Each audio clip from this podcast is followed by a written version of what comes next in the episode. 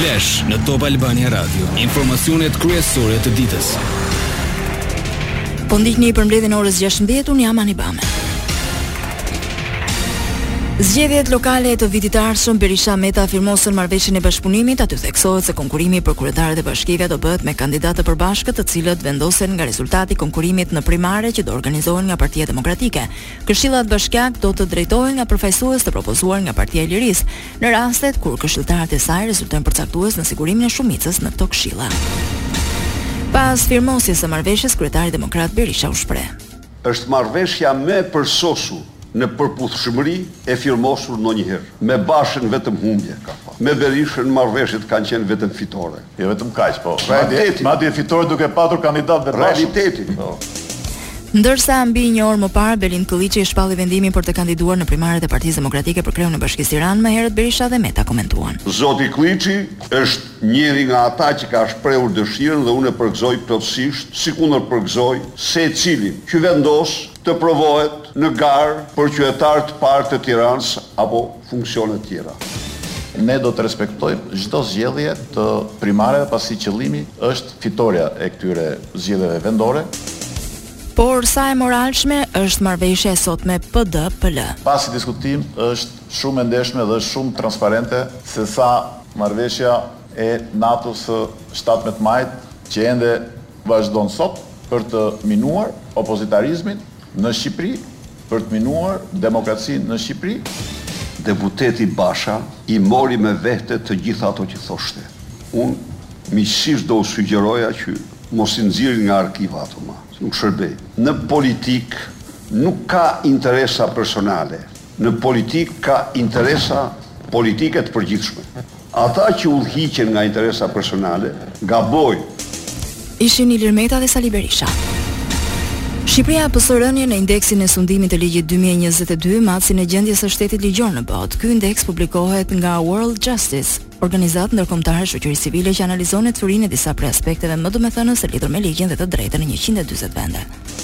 Vendi ynë renditet i tetëdhjetë e shtati në listë, ndërkohë që një vit më parë pozicionohej në të tetëdhjetë e katërtin. Tetë janë faktorët kryesorë mbi të cilët mbështetet renditja, nisur me kufizimin e kompetencave qeveritare që nënkupton se deri në çfarë pike institucionale dhe kushtetuese kufizohen zyrtarët për të mbajtur përgjegjësi para ligjit. Këtu përfshihet edhe liria e shtypit jashtë kontrollit të qeverisë e në këtë tregues vendi ynë është mjaft poshtë në renditje i njëqind e pesti mes njëqind e dyzet shteteve të tjera. Treguesi tjetër i rëndësishëm, mungesa e korrupsionit që analizon tre forma, ryshfetin, ndikimin e papërshtatshëm nga interesi publik dhe privat e shpërdorimin e fondeve publike apo burimeve të tjera. Edhe këtu kemi rrëshqitje në vendin e njëqind e shtatë nga viti i kaluar, ku ishim të njëqind e pesët. Në treguesin e radhës, transparencën e qeverisë rezulton rënie me dy vende, tani jemi në vendin e tetëdhjetë e katërt, ndërsa më dy mijë e njëzet e njëshin në të tetëdhjetë e dytin. Tre vende ka zbritur Shqipëria në renditje dhe sa i takon rendit e sigurisë ku merret në shqyrtim edhe garantimi i sigurisë së individit dhe pronës. Në këtë tregues kemi zbritur nga vendi i dyzet e shtatë në të pesëdhjetin. Rënie ka edhe në treguesin e drejtësisë civile, po kështu në atë të së drejtës kriminale, një skanim i sistemit të drejtësisë duke përfshirë nga policia te avokatët, prokurorët, gjyqtarët apo policia e burgjeve. Teksa në përgjithësi grafiku i World Justice e vendos Shqipërinë katër vende poshtë Serbisë që është e tetëdhjetë e treta, Kosova rezulton shumë herë më lart në vendin e pesëdhjetë e shtatë në rang global.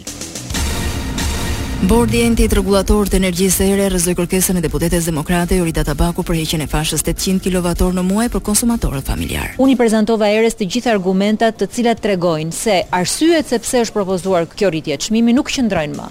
Ne po vendosim, po formalizojmë që abuzimet që kanë ndodhur në të tre operatorët e energjisë elektrike dhe me furnizuesin e shërbimit universal, t'i legalizojmë dhe të themi, por interesi publik i qytetarëve nuk u mbrojt.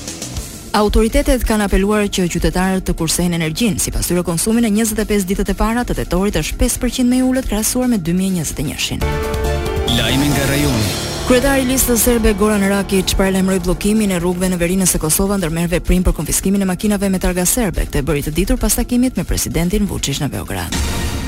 Presidenti i Serbisë thekson se serbët në Kosovë nuk do heqin dorë nga targat KM, Mitrovicë e Kosovës, duke paralajmëruar rezistencë nëse pas tridhjetë e një tetorit Kosova konfiskon targat e makinat, pas mbledhjes së sotme të Këshillit të Sigurisë Kombëtare dhe takimit me Listën Serbe.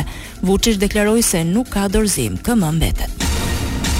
Më herët gjatë ditës, Ministria e Punëve të Brendshme të Kosovës raportoi incidente me sulme ndaj atyre pak serbëve që pranuan konvertimin e targave duke respektuar afatet e dhëna nga qeveria. Për këto incidente reagoi dhe presidentja e Kosovës, Vjosa Osmani, e cila fajësoi strukturat ilegale. Bashkimi Evropian pritet të ndajë shtatëdhjetë e pesë milionë euro si ndihmë të menjëhershme për Kosovën në përballimin e krizës energjetike, Kjo u bë e ditur sot nga Presidentja e Komisionit Europian Ursula von der Leyen, e cila vizitoi Prishtinën para ndalesës në Tiranë në kuadër të një turi në Ballkanin Perëndimor. Lajme nga bota. Për sulmin me pesëmbëdhjetë të vrarë dhe dyzet të plagosur në Iran, media shtetërore raportoi se përgjegjës ishin terroristët takfir, një term i përdorur nga Teherani zyrtar për të përshkruar militantët myslimanë sunitë të tillë si anëtarët e ISIS-it, Republika Islamike e Iranit njoftoi se dy fëmijë dhe një grua ishin në mesin e të vrarëve. Ndërkohë, presidenti i Iranit Ebrahim Raisi u zotua për përgjigje të shpejtë dhe të vendosur ndaj sulmit. Raisi deklaroi se ky krim nuk do kaloj pa u ndëshkuar dhe forcat dhe forcat e sigurisë do t'u përgjigjen atyre që kanë planifikuar dhe kryer sulmin. Një zëdhënës i OKB-së tha se sulmet që në shënjestër kanë objektet fetare janë veçanërisht të tmerrshme. Në lindje të Donbasit, forcat ukrainase po mbrapsin sulmet ruse, por nuk japin informacione të reja lidhur me situatën në rajonin jugor të Hersonit, skenë luftimesh kohëve të fundit. Në përgjithësi Ukraina po forcon pozicionet në të gjitha frontet, duke ulur aftësitë e pushtuesve, dëmtuar logjistikën e tyre dhe duke u bërë gati për lajme të mira për Ukrainën. Presidenti i Ukrainës Zelensky akuzoi komandantët rusë për çmenduri në përpjekjet e tyre për të marrë kontrollin e qyteteve. Sipas tij, çmenduria është më e dukshme tani. Ditë pas dite, për muaj të tërë ata kanë shtyrë njerëzit drejt vdekjes, duke përqendruar sulmet e artilerisë, theksoi Zelensky. Këtu kemi përfunduar, mirë u dëgjofshim në edicionin e orës shtatëmbëdhjetë. Kjo është Top Albania Radio.